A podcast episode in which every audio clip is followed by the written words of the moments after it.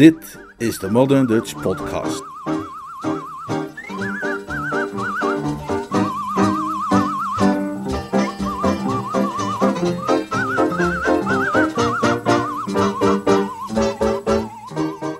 Wat een geluk voor Mabel. Een verhaal van P.G. Woodhouse. Vertaald en voorgelezen door Leonard Beug.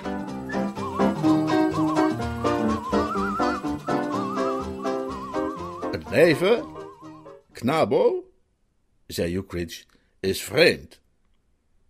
Hij had een tijd lang zwijgend op de sofa gelegen met zijn neus naar het plafond, en ik had eigenlijk gedacht dat hij in slaap was gevallen. Het bleek echter een ingespannen denkproces te zijn geweest en geen gesluimer dat zijn onkarakteristieke zwijgzaamheid had veroorzaakt. Heel erg vreemd, zei Ukridge. Hij kwam overeind en staarde een tijdje uit het raam. Ik had een huisje gehuurd op het platteland en het raam van de voorkamer keek uit op een gazonnetje dat begrensd werd door wat onduidelijke bosjes. Daar ruiste juist het eerste briesje doorheen dat een fraaie zomerdag aankondigde. De wereld daarbuiten ontwaakte. Grote genade, zei ik, met een blik op mijn horloge.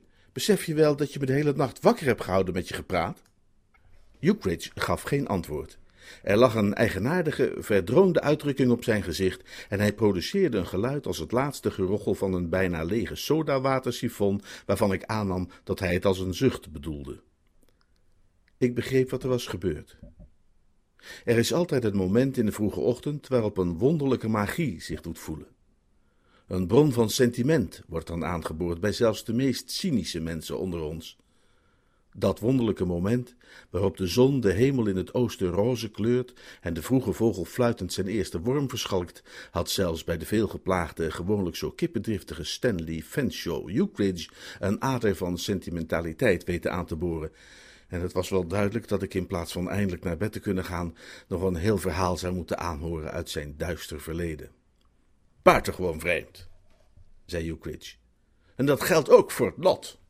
Het is merkwaardig om te bedenken, Corky, beste knul, dat als de dingen niet gelopen waren zoals ze zijn gelopen, ik nu een man van aanzien zou zijn geweest waar heel Singapore hoog tegenop zou hebben gekeken. Waarom zouden mensen in Singapore in hemelsnaam hoog tegen jou hebben opgekeken? Vanwege mijn enorme rijkdom, zei Ukridge weemoedig. Jouw rijkdom? Ja, mijn rijkdom. Heb jij dan wel eens gehoord van lui die in het oosten niet heel erg rijk zijn geworden? Nee, toch zeker? Nou, bedenk dan maar eens wat ik daar zou hebben kunnen bereiken met mijn hersenen en mijn visie. Mabels vader heeft echt scheppen geld verdiend in Singapore en dat is iemand die volgens mij geen enkele visie bezit. Wie is Mabel? Heb ik jou nooit over Mabel verteld? Nee, Mabel wie? Ik noem geen namen. Nou, ik heb een hekel aan verhalen zonder namen. Ja, maar dit wordt toch een verhaal zonder naam, of je het leuk vindt of niet, zei Ukridge heftig. Hij zuchtte opnieuw, een uiterst onaangenaam geluid. Kokkie, knabo, zei hij, besef je wel aan welke dunne draadjes ons leven hangt, als mens? Besef je wel over wat voor kleine steentjes wij kunnen struikelen, terwijl we onze weg gaan door het leven?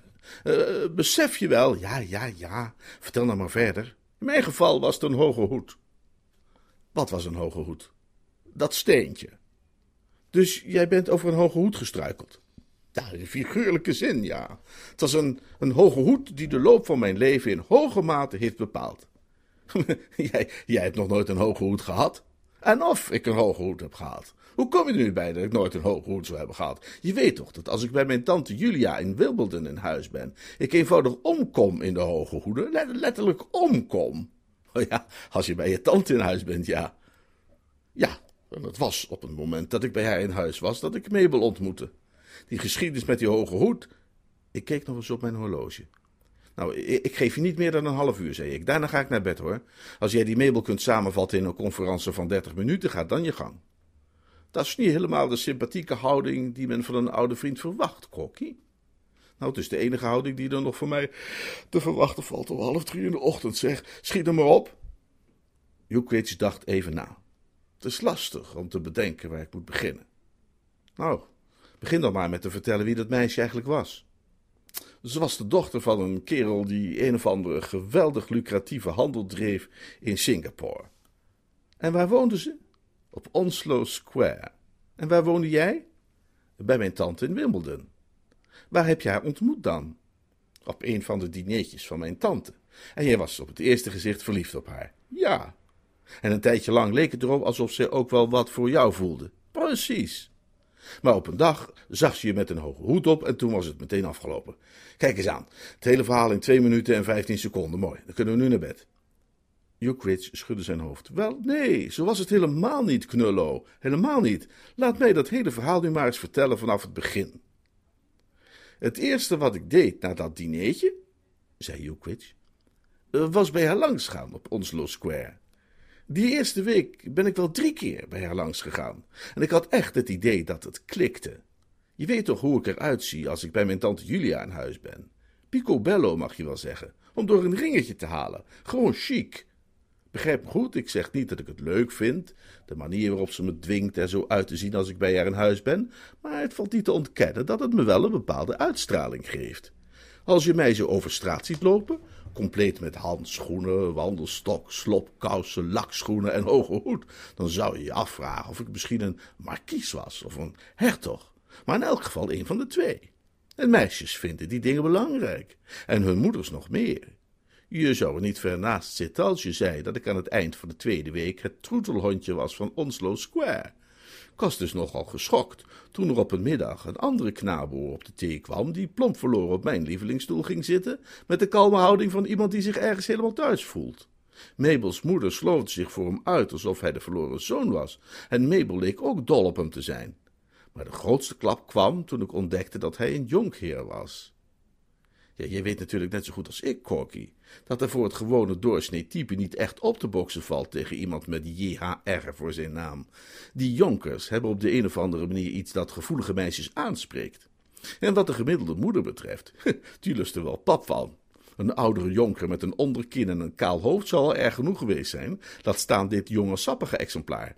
Hij had een gladgeschoren, licht puisterige aristocratische kop, en wat nog erger was, hij was van het regiment Coldstream Guards.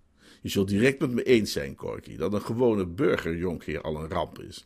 Maar één die ook nog in de guard is, is een rivaal waar zelfs de dappersten voor moeten beven.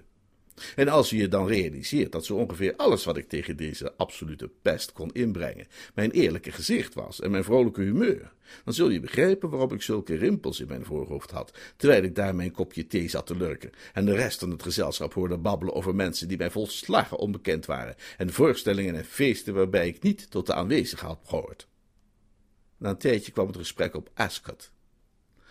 Gaat u naar Ascot dit jaar, meneer Hugh vroeg Mabels moeder, die kennelijk van oordeel was dat het tijd werd om mij te betrekken in het gekeuvel. Ik zou het niet graag willen missen, zei ik. Nou, eigenlijk was ik eerlijk gezegd tot dat moment van plan geweest om Ascot te laten voor wat het was. Ik ben een groot liefhebber van de edele paardensport, maar een toernooi waarbij je verondersteld wordt te komen opdagen in jaquetten met een hoge hoed op, terwijl de thermometer die dag doorgaans een eind boven de dertig staat, boeit me minder. Speel graag de jeugdige edelman als het zo uitkomt, maar paardenrennen en hoge hoeden gaan wat mij betreft niet zo goed samen. Oh, geweldig, zei Mabel. En ik moet zeggen dat die woorden mij weer wat nieuwe moed gaven. Dan zien we elkaar daar. Sir Aubrey, zei Mabels moeder, heeft ons uitgenodigd bij hem te logeren. Ik heb daar uh, voor een week een huis gehuurd, lichtte de jonker toe. Aha, zei ik. Ja, veel meer kon ik niet zeggen, dat snap je. Want het misselijkmakende besef dat deze Coldstream-jonker ook nog eens genoeg geld bezat om zomaar eventjes een landhuis te huren voor de Ascotwijk, deed mijn hele lijf jeuken als netelroos. Ik was helemaal van streek, Corky. Ik wist niet meer waar ik aan toe was. De hele weg terug naar Wimbledon heb ik hard nagedacht. Toen ik daar aankwam, trof ik mijn tante in de salon. En er was iets in haar houding dat mij trof als een slag in het gezicht. Ik weet niet of jij ooit dat eigenaardige gevoel hebt gehad alsof er in je oor gefluisterd werd dat hel op het punt stond los te barsten, maar dat gevoel kreeg ik in elk geval zodra ik haar zag. Ze zat kaarsrecht in haar stoel toen ik binnenkwam en keek me alleen maar aan. Je kent haar, Corky. En je kent ook die stilzwijgende blikken die ze je dan kan toewerpen, zonder een spier te vertrekken als een basilisk met een stijve nek. Nou, zo keek ze me op dat moment aan. Goedenavond, zei ze. Goedenavond, zei ik. Dus je bent wel naar huis gekomen, zei ze. Ja, zei ik. Nou, zei ze, dan kun je meteen weer vertrekken. Hè? zei ik. Om nooit meer terug te komen, zei ze. Ik gaapte haar aan. Tante Julia had me natuurlijk al vaak genoeg het huis uitgegooid, dus op zich was ik dat wel gewend. Maar ik was er nog nooit zo onverwacht uitgetrapt en zo helemaal vanuit het niets. Gewoonlijk, als tante Julia me eruit zwiept, kun je dagen van tevoren zien aankomen. Ik had eigenlijk wel kunnen raden dat er een keer zoiets zou gebeuren, zei ze. En vervolgens maakte ze alles duidelijk. Ze had het ontdekt van die klok. En zo kun je maar weer eens zien wat de liefde een mens allemaal aandoet, Corky. Want dat was ik dus compleet vergeten. Hè? Je, je weet hoe de situatie is als ik bij mijn tante in huis ben. Ze geeft me te eten, ze steekt me in de kleren. Maar om de een of andere reden die zich in haar verwaarde geest heeft ontwikkeld, is het onmogelijk ook maar de kleinste hoeveelheid contanten van haar los te peuteren. En het gevolg daarvan was dat toen ik verliefd werd op Mabel en ik een paar pond nodig had voor lopende uitgaven, ik had terug moeten vallen op mijn aangeboren vernuft en vindingrijkheid. Het was absoluut noodzakelijk om dat meisje af en toe een bos bloemen of een doos chocola te geven en die dingen die lopen in de papieren. Dus toen ik een keer een hele fraaie klok werkloos aantrof op de schoorsteenmantel in een van de ongebruikte logeerkamers, had ik die onder mijn jas naar buiten gesmokkeld en naar de lommerd gebracht. Kennelijk had ze dat nu op een stiekeme, achterbakse manier ontdekt. Nou ja, viel gewoon niet tegenop te redeneren. Het is mijn ervaring dat als mijn tante Julia eenmaal haar mouwen heeft opgerold om je bij kop en kont te pakken, er eenvoudigweg geen moedertje lief meer aan helpt. Woorden zijn dan volkomen nutteloos. Het enige wat je kunt doen is je biezen pakken en erop vertrouwen dat de grote heelmeester tijd een en ander op den duur wel weer zal genezen. Zodoende kon men een goed half uur later een eenzame figuur het pand zien verlaten op weg naar het station met zijn koffertje. Ik stond er weer eens helemaal alleen voor op deze wereld. Maar ja, je kent mij, Corky, hè? ik ben een oude rot. Er is meer nodig om een doorgewinterde overlever als mijn persoon buiten gevecht te stellen. Ik huurde een kamer in Rundle Street en bezon mij eens goed op de situatie. Het was onmiskenbaar dat een en ander een onaangename wending had genomen, en menig man die niet kan bogen op mijn visie en initiatief, zou bij de pakken neer zijn gaan zitten en hebben verzucht dat dit het absolute einde was. Maar ik ben nu eenmaal van taaier materiaal vervaardigd en ik zag nog mogelijkheden. In mijn koffer had ik het jacket, het vest, de streepjesbroek, de schoenen, de slopkousen en de handschoenen, en ik was vertrokken met de hoge hoed op mijn hoofd, zodat ik, zuiver decoratief gezien, eigenlijk nog op hetzelfde punt was als voorheen. Dat wil zeggen, ik kon nog rustig aankomen op Onslow Square.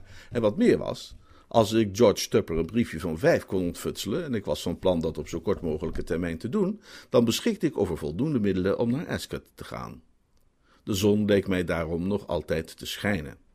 Hoe waar is het, Corky, dat hoe laag de wolken ook mogen hangen, er toch altijd ergens de zon schijnt?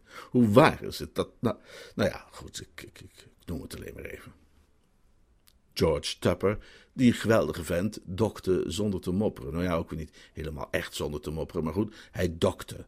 En dus was de situatie nu als volgt. Geld in kas vijf pond, toegangsprijs voor hoofdtribune en paddock op de eerste dag van Ascot 2 pond, uh, aantal dagen te gaan tot Ascot 10.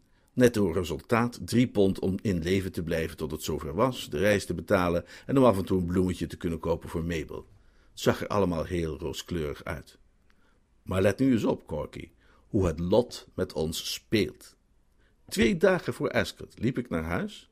Ik had thee gedronken op Onslow Square en ik was sterk in gedachten verzonken, want de jonker was die middag erg in vorm geweest. En toen gebeurde er wat op het eerste oog een onherstelbare ramp leek. Het weer, dat tot op dat moment helder en warm was geweest, was plotseling omgeslagen en uit het oosten was een behoorlijk frisse wind opgestoken. Als ik nu niet zo diep in gedachten verzonken was geweest vanwege die jonker, dan had ik uiteraard de juiste voorbehoedsmaatregelen getroffen, maar zoals het nu was, sloeg ik in diep gepeins de hoek van de Fulham Road om, en voordat ik het wist, was de hoge hoed van mijn hoofd gewaaid en rolde hij met een stevig vaartje in de richting van Putney. Nu ken jij natuurlijk de Fulham Road. Een hoge hoed heeft daar ongeveer evenveel kans als een konijn op een hondenshow. Ik rende het ding zo snel mogelijk achterna, maar ja, je begrijpt dat het weinig zin had.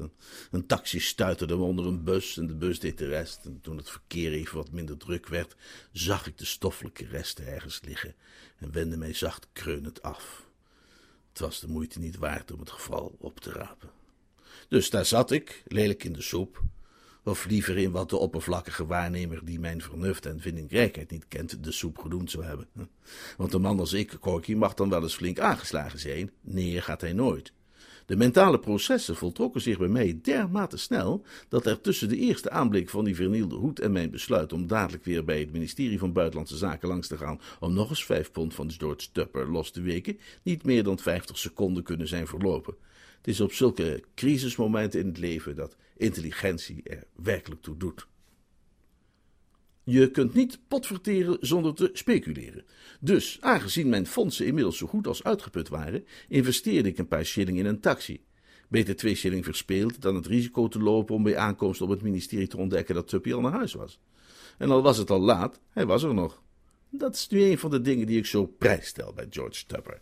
Een van de dingen waarom ik altijd beweer dat hij het nog heel ver zal brengen in dienst van dit land. Hij drukt zich nooit. Hij trekt zich niets aan van de klok. Veel ambtenaren hebben de neiging om alles uit hun handen te laten vallen zodra het vijf uur is, maar niet George Tupper. En dat is de reden, Koki, dat op zekere dag, als jij nog altijd moeizaam artikeltjes produceert voor de Wist u dat rubriek en onnozele verhaaltjes schrijft over eenvoudige meisjes die onverwachte erfenissen krijgen en van adel blijken te zijn, onze Tuppy inmiddels Sir George Tupper KCMG is geworden. En Heintje de voorste tussen alle kanseliers en secretarissen-generaal. Ik vond hem tot over zijn oren tussen de paparassen. Hij viel met de deur in huis. Hij was zo te zien bezig met een oorlogsverklaring aan Montenegro of een dergelijk soort vredesmissie en had waarschijnlijk niet zo'n zin in veel gebabbel. Tappy, knabo, zei ik, ik heb dringend behoefte aan vijf pond. Hoeveel? vroeg Tuppy. Tien, zei ik. En op dat moment ontdekte ik tot mijn afschuw in zijn ogen die kille, onheilspellende blik die naar mijn ervaring bij dit soort gelegenheden wel vaker in de ogen van mensen verschijnt. Maar ik heb je de vorige week pas vijf pond geleend, zei hij. En mogen de hemel je lonen, knabo, antwoordde ik hoffelijk. Waar heb je nu dat geld dan weer voor nodig?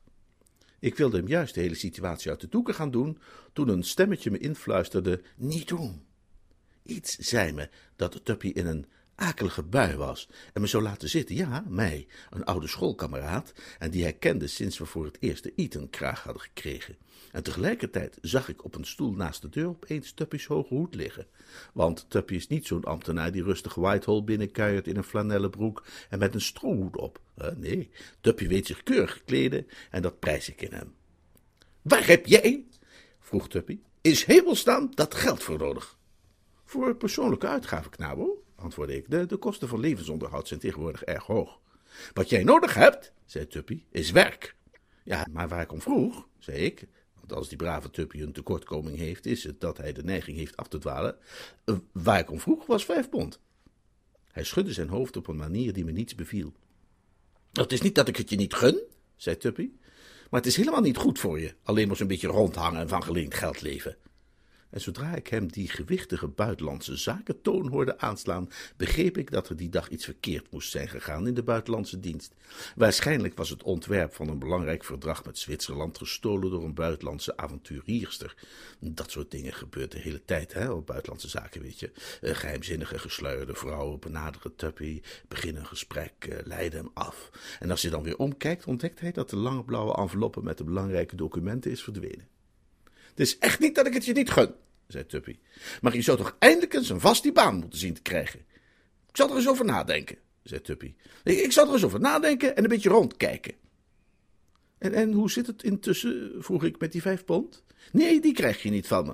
Het is maar vijf pond. Vijf miserige pondjes, Tuppy, knabo. Nee, je kunt het noteren als kantooruitgave en de belastingbetaler ervoor op laten draaien. Nee, kan ik je dan helemaal niet overhalen? Nee. En het spijt me ontzettend, beste kerel, maar ik moet je nu vragen om te gaan. Ik heb het ontzettend druk. Nou, oké, tot ziens dan maar, zei ik. Hij boog zich weer over zijn paparassen.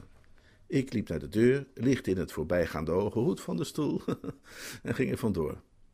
De volgende ochtend, terwijl ik nog aan het ontbijt zat, kwam Tuppy opeens binnenlopen. Zeg, zei Tuppy, wat is het, knabo? Weet jij nog dat jij gisteren bij mij langskwam? Ja. Kom je me soms vertellen dat je van gedachten veranderd bent over die vijf pond? Nee, ik ben niet gekomen om je te vertellen dat ik van gedachten veranderd ben over die vijf pond. Ik wilde zeggen dat toen ik gisteren wegging van kantoor mijn hoge hoed verdwenen was. Dat is raar, zei ik. Tuppy keek mij onderzoekend aan. Jij hebt hem niet toevallig meegenomen? Wie, ik? Wat moet ik nou met een hoge hoed? Hm, nou ja, heel geheimzinnig. Waarschijnlijk ontvreemd door een spion of een geheim agent of zo, denk je niet? Tuppy peinsde nog even. Het is in elk geval heel vreemd, zei hij. Het is me nog nooit eerder overkomen. Een mens doet telkens nieuwe ervaringen op in het leven. Nou ja, dat terzijde. Wat ik eigenlijk kwam zeggen is dat ik misschien een baantje voor je heb gevonden. Je meent het. Gisteravond op de club sprak ik met iemand die een secretaris zoekt.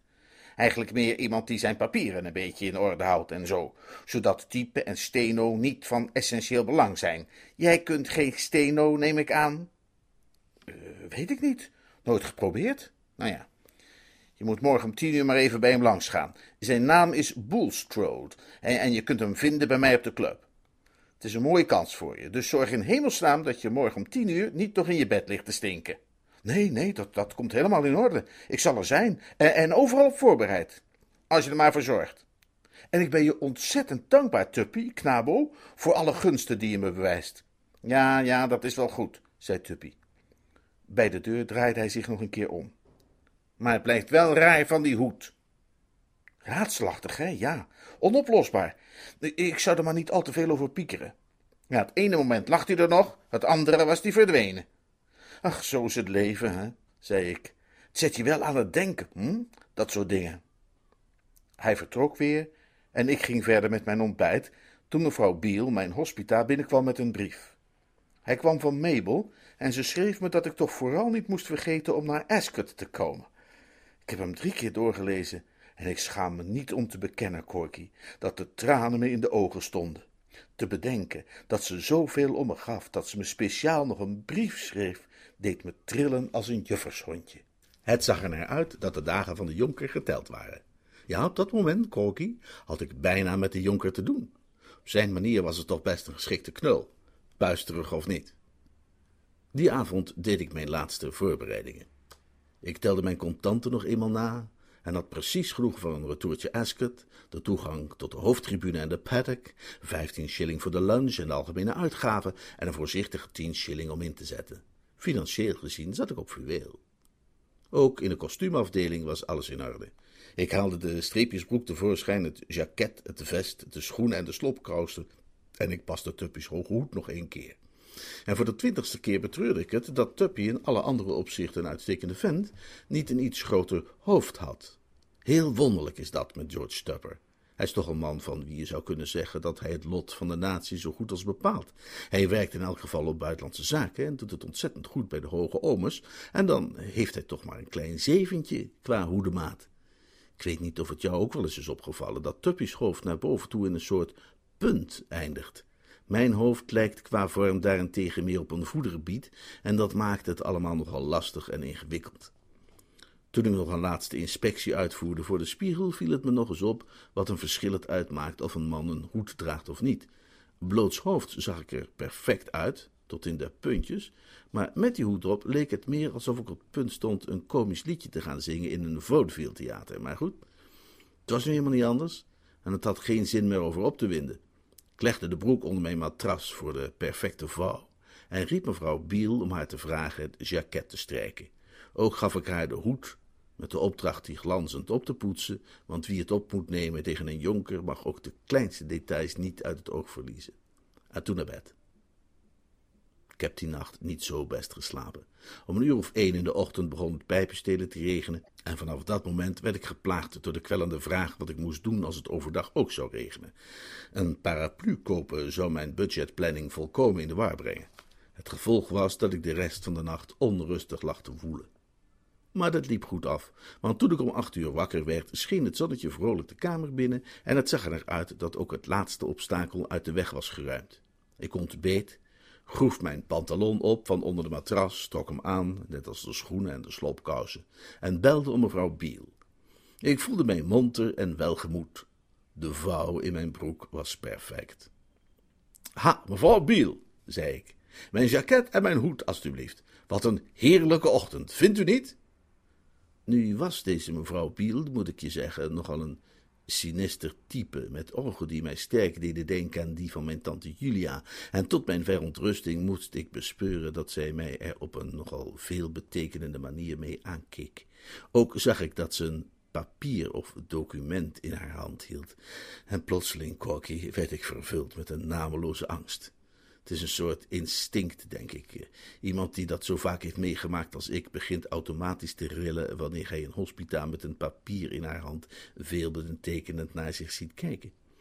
Direct daarna was het duidelijk dat mijn zesde zintuig mij niet in de steek had gelaten.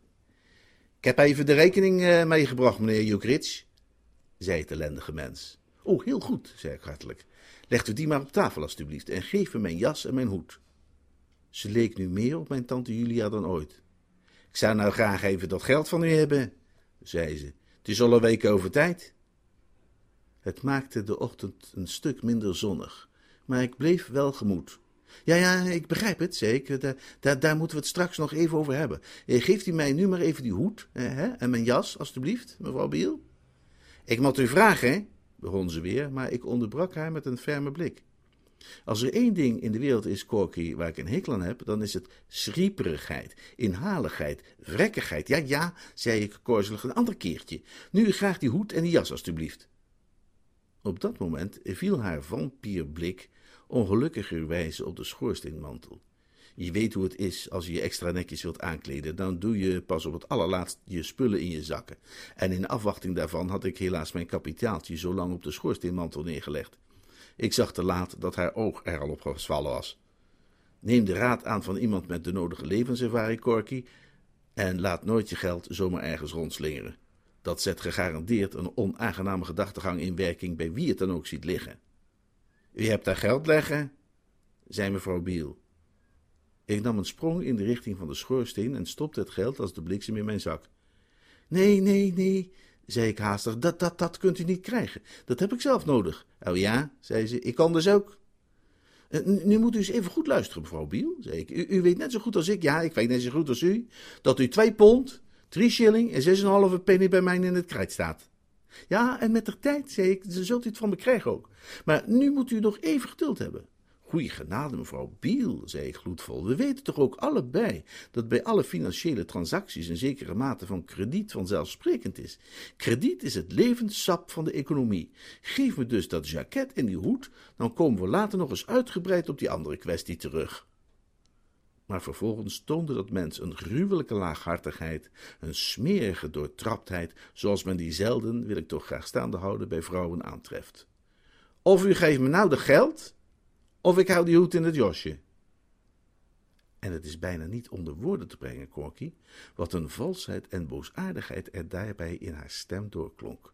Die moet er vast wel iets opbrengen. Ik staarde haar verbijsterd aan. Maar ik kan toch niet naar Ascot zonder hoge hoed? Nou, dan gaat u toch fijn niet naar Ascot? Ja, maar wees nu toch redelijk. Denk na. Het mocht niet baten. Ze bleef onwrikbaar in haar eis van twee pond, drie shilling en zes en een halve penny, en niets wat ik zei kon haar daarvan afbrengen. Ik bood haar het dubbele bedrag op enig moment in de toekomst, maar er waren geen zaken met haar te doen. De vloek die op hospita's in het algemeen rust, Corky, en de reden waarom zij nooit tot welstand en fortuin zullen geraken, is dat zij geen visie bezitten. Ze hebben eenvoudig geen verstand van het hele geldwezen. Het mankeert ze aan de wijde, open, flexibele blik die nodig is om tot ware rijkdom te kunnen komen. Wij raakten niet uit onze padstelling en uiteindelijk vertrok ze mij eens te meer achterlatend in de soep. Pas als u zelf in een dergelijke situatie komt te verkeren, Corky, begin je de afgrijzelijke zinloosheid in deze wereld te beseffen. En pas dan dringt de volstrekte dwaasheid en nietigheid van alle menselijk streven volledig tot je door. Dat hele Ascot-gedoe bijvoorbeeld. Als je wedrennen organiseert, waarom zou je daar dan in hemelsnaam idiote regels bij stipuleren over hoe mensen zich moeten kleden als die wezens bij willen wonen? Waarom moet een mens zo nodig een hoge hoed op als hij naar Ascot gaat, terwijl je naar alle andere wedrennen kunt dragen wat je wilt? Eh, daar stond ik nu, perfect uitgedost voor Hurst Park, Sandown, Gatwick, Alley Pally, Linkfield of welke renbaan u ook maar wilt, maar alleen omdat een heks van een hospita mijn hoge hoed had ingepikt, bleef Ascot voor mij verboden terrein, ook al puilde het geld voor de toegangsprijs mee uit de zakken. Het is dat soort dingen waardoor een mens zich vragen gaat stellen bij onze moderne beschaving en begint te twijfelen of de mens wel werkelijk de bekroning is van deze schepping.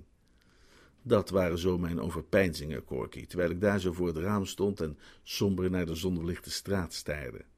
Tot plotseling mijn oog getroffen werd door een figuur die de straat ingelopen kwam. Ik bestudeerde hem met de nodige interesse.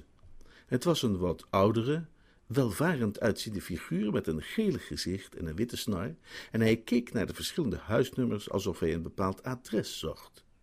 Op het moment dat hij voor mijn deur bleef stilstaan, nog eens goed naar het nummer keek, de stoep opklom en aanbelde, realiseerde ik mij dat het Tuppy's secretariszoeker moest zijn, met wie ik over een half uur een afspraak had op zijn club.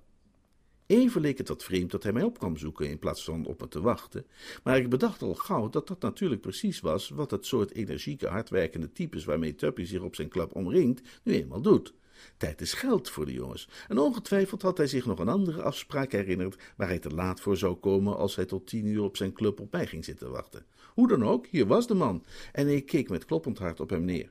Want wat mij al meteen met een schok had getroffen, Corky, was dat hij zo ongeveer mijn postuur had en stralend gekleed was in onberispelijk traditioneel ochtendkostuum, compleet met hoge hoed. En hoewel het op die afstand en vanaf die hoogte moeilijk precies was in te schatten, was het alsof mij van hogerhand werd ingefluisterd dat deze hoge hoed mij trouwens een stuk beter zou passen dan die van Tuppy. Een minuut later werd er op mijn kamerdeur geklopt en kwam hij binnen. Nu ik hem van dichtbij zag, kon ik vaststellen dat ik mij niet had vergist. Hij was iets minder lang dan ik, maar zijn schouders waren even breed als die van mij en hij had een groot rond hoofd. Kortom, als er ooit iemand door de voorzienigheid was voorbestemd een hoed en een jacket te dragen die mij zouden passen, dan was die iemand deze iemand. En ik keek hem dan ook met glanzende ogen aan. Nee, Hugh Ja, zei ik, komt u binnen. Wat vriendelijk van u om langs te komen, allerminst. Maar nu, Corky, zoals jij wel gegist zult hebben, stond ik als het ware op een kruising van wegen. De richtingwijzer van wijs beleid wees naar de ene kant, doch die der liefde naar de andere. Wijs beleid fluisterde mij in deze figuur zoveel mogelijk voor mij te winnen, hem vriendelijk toe te spreken en mij tegenover hem te gedragen als was hij degene die mijn lot in handen had en die mij desgewenst een betrekking kon bezorgen waardoor ik zou kunnen overleven tot het moment dat iets groters en meer passend bij mijn visie en mijn vermogens zich zou voordoen. Anderzijds schreeuwde de liefde mij toe zijn jacket te jatten en als een haas vandoor te gaan. Het was een waar dilemma. Ik ben bij u langsgekomen, begon die figuur. Ik nam een besluit en de liefde won. Uh, neemt u mij niet kwalijk, zei ik, maar ik, ik geloof dat er iets achter op uw jasje zit. Oh ja, zei de figuur en probeerde zijn hoofd rond te draaien en tussen zijn schouderbladen te kijken, de sukkel. Ja, een, een geplette tomaat of zoiets. Een geplette tomaat? Of zoiets. Hoe komt er nu een geplette tomaat op mijn jas? Ach ja, zei ik en gaf met een handgebaar aan dat het hier om een ingewikkelde kwestie ging. Heel merkwaardig, zei de figuur. Heel, ja, zei ik. Doe uw jas even uit, dan kunnen we het beter bekijken. Hij deed het jacket uit en als een speer had ik het te pakken. Bij dit soort gelegenheden moet men snel weten te handelen en ik handelde snel. Ik had het jacket in zijn hand gegist en de hoge hoed van de tafel waar hij die had neergelegd en ik was de deur uit en de trap af voordat hij zelfs nog maar een kik had gegeven. Ik schoot het jacket aan en het paste me als gegoten. Ik flatste de hoge hoed op mijn hoofd en het was alsof hij voor me gemaakt was. En daar liep ik in het zonnetje. Een keuriger exemplaar had Piccadilly zelden aanschouwd. Terwijl ik de stoep afliep, hoorde ik boven mij een soort gebrul. Daar stond die figuur met zijn hoofd uit het raam. En hoe gehard ik ook ben, Corky, ik geef toe dat ik heel even terugdeinsde bij de gruwelijke woede die op zijn gelaat te lezen was. Kom terug! schreeuwde de figuur. Nou ja, je begrijpt dat dit niet het moment was om uitleg te gaan geven en voor allerlei verder gebabbel. Als een man in zijn hemdsmouw uit het raam hangt en er zoveel lawaai bij maakt als deze kerel deed, dan duurt het natuurlijk niet lang voor er zich een hele menigte onder dat raam verzameld heeft. En als er zich ergens een menigte verzameld heeft, dan duurt het naar mijn ervaring nog veel minder lang alvorens zich daar zo'n verdomde bemoeizuchtige politieagent aan toevoegt. En als er iets was waar ik weinig zin in had, dan was het wel dat er zich met deze kleine, zuivere privéaangelegenheid een politieagent zou gaan bemoeien met zo'n hele menigtal toeschouwers. Ik bleef dus niet treuzelen. Ik zwaaide op een geruststellende manier met mijn hand om aan te duiden dat het allemaal in de toekomst helemaal goed zou komen, spurte met de nodige snelheid de hoek om en floot een taxi. Taxikosten waren eigenlijk niet inbegrepen in mijn financiële planning. Ik had niet meer dan twee pennies opgenomen in de begroting voor een ritje met de ondergronds naar Waterloo Station, maar er zijn momenten waarop zuinigheid niet verstandig is. Eenmaal in de taxi, die mij met flitsende vaart op steeds veiliger afstand bracht van de secretariszoekende figuur, knapte ik aanzienlijk op. Ik moet toegeven dat ik tot op dit moment af en toe wel wat ongerust was geweest, maar vanaf nu leek alles van een leien dakje te gaan. Ik was nog vergeten te zeggen dat deze laatste hoge hoed, die nu zo comfortabel op mijn hoofd rustte, een grijze hoge hoed was. En als er één ding is dat iemand een flitsend uiterlijk verleent en een bliksemse uitstraling, dan is het wel zo'n grijze hoge hoed.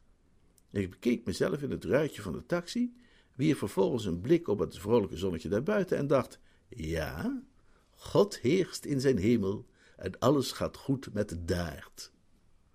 En die algemene luisterrijkheid bleef voortduren. Ik had een plezierige reis en toen ik in Ascot aankwam, zette ik mijn tien shilling op een paard waar ik een paar kerels in de trein met elkaar over had horen praten. En ja hoor, beest won en ik ook, en dat bij een pittige tien tegen één. Ik stond dus meteen bijna vijf pond voor op mijn schema, zeg maar, en wandelde dus op mijn gemak naar de paddock om daar eens een blik te werpen op de goede gemeente en te proberen Mabel te vinden. En ik was nog maar nauwelijks door die soort van tunnel heen gelopen waar je daar doorheen moet om van de tribune bij de paddock te komen, toen ik onze brave Tuppy tegenkwam. Het eerste wat ik bij mezelf bespeurde toen ik die beste jongen daar zag, was een groot gevoel van opluchting dat het niet zijn hoed was die ik op mijn hoofd had. Tuppy is een prima vent, maar hij heeft een beetje de neiging zich over kleine dingetjes op te winden en ik had geen zin in een pijnlijke scène. Ik zei hem vriendelijk goeiedag. Ha, Tuppy, zei ik. George Tupper is een man met een hart van goud, maar hij bezit weinig tact. Hoe kom jij hier nu eens hemelsaan terecht? vroeg hij. Nou, op de gewone manier hoor, knabo, zei ik. Ik bedoel, wat doe jij hier tot in de puntjes gekleed en al? Als ik naar Ascot ga, zei ik, een tikje gepikeerd, dan draag ik uiteraard het traditionele ochtendkostuum van de welgeklede Engelsman. Je ziet eruit alsof je een fortuin hebt geërfd. Oh ja, zei ik, stilletjes hopend dat hij een ander onderwerp zou aansnijden. Ondanks wat je het perfecte alibi zou kunnen noemen, van die grijze hoge hoed, wilde ik het toch maar liever niet over hoeden en kleren hebben met Tuppy, zo kort na de recente verdwijning. Ik kon zien dat de hoed die hij droeg spiksplinternieuw was, en die moest hem een lieve duit hebben gekost. Ik neem aan dat je terug bent naar je tante, zei Tuppy, die de voor de hand liggende conclusie trok. Nou, daar ben ik dan erg blij om, beste kerel, want ik ben bang dat het secretarisbaantje niet doorgaat. Dat wil ik je vanavond juist even schrijven. Niet doorgaat? vroeg ik. Ik had het gezicht van die figuur gezien toen hij daar uit het raam hing op het moment dat ik vertrok, dus ik had natuurlijk wel begrepen dat het niet doorging, maar ik snapte niet hoe Tuppy dat kon weten. Hij belde me gisteravond op om te zeggen dat hij bang was dat je toch niet in aanmerking kwam, omdat hij bij nader inzien toch liever iemand had die wel steno beheerste. Aha, zei ik, zo zo. Nou, dan ben ik blij dat ik zijn hoed heb gepikt. Het zal hem leren om valse hoop te wekken bij mensen en zich als een draaikont te gedragen. Zijn hoed gepikt? Hoe bedoel je? Oei, ik zag dat ik voorzichtig moest wezen. Tuppy keek me op een heel eigenaardige manier aan en ik begreep dat de wending die het gesprek had genomen nieuwe verdenkingen bij hem had gewekt, waarvan het niet vrij was dat hij ze ten opzichte van een oude schoolkameraad zou koesteren. Nou, het zat als volgt, eh, Tappy, zei ik. Toen jij bij mij was en me vertelde over die geheime agent hè, die jouw hoed had ontvreemd uit het ministerie, kreeg ik een idee. Ik wilde graag naar Ascot, maar ik had geen hoge hoed. Als ik, als ik die van jou gepikt zou hebben, zoals jij een ogenblik vermoedde, dan had ik er natuurlijk wel in gehaald. Maar omdat ik die van jou niet had gepikt, had ik er dus geen. Begrijp je wel? Hm? Dus toen jouw vriend Bulstrode vanmorgen bij mij langskwam, heb ik die van hem gejat. En nu jij mij hebt duidelijk gemaakt wat een onbetrouwbaar, wispelturig karakter die man bezit, ben ik blij dat ik het gedaan heb. Zei jij nou dat Bulstrode vanmorgen bij jou langs is geweest? Ja, om een uur of half tien. Maar dat kan helemaal niet. Hoe kom ik anders aan deze hoed? Huh? Denk toch even na, Tuppy, knabo.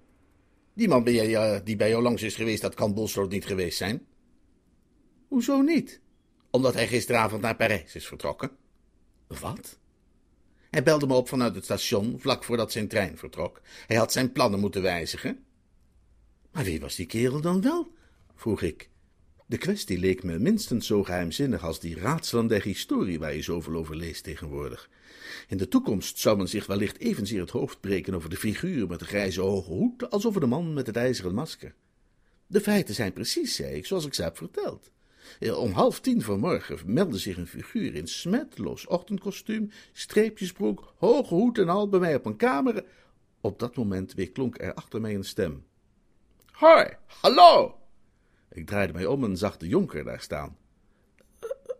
hallo, zei ik.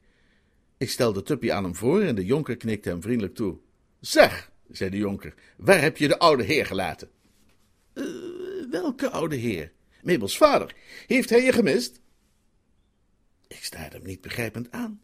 Hij leek me te bazelen, en een bazelende jonker is erg vervelend als je je lunch nog niet hebt gehad.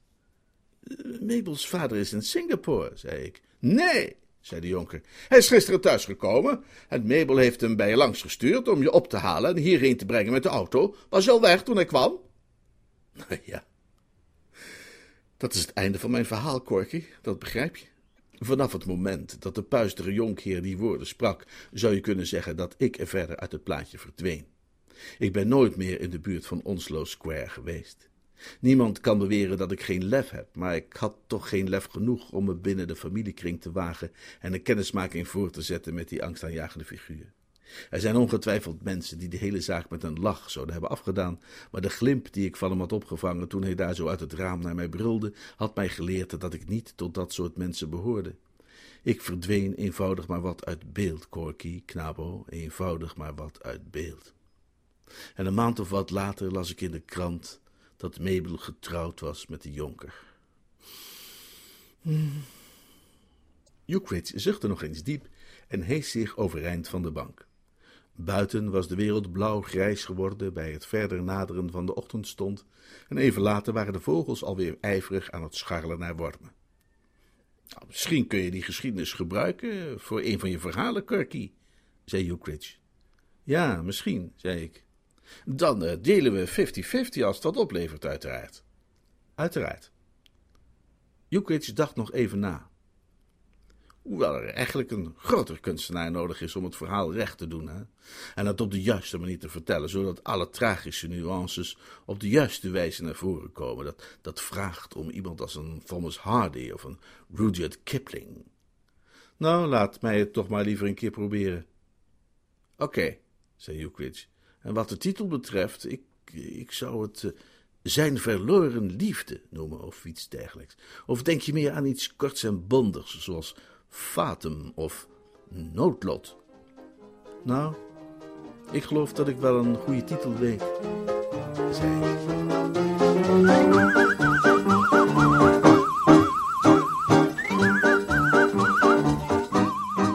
Dit was het verhaal.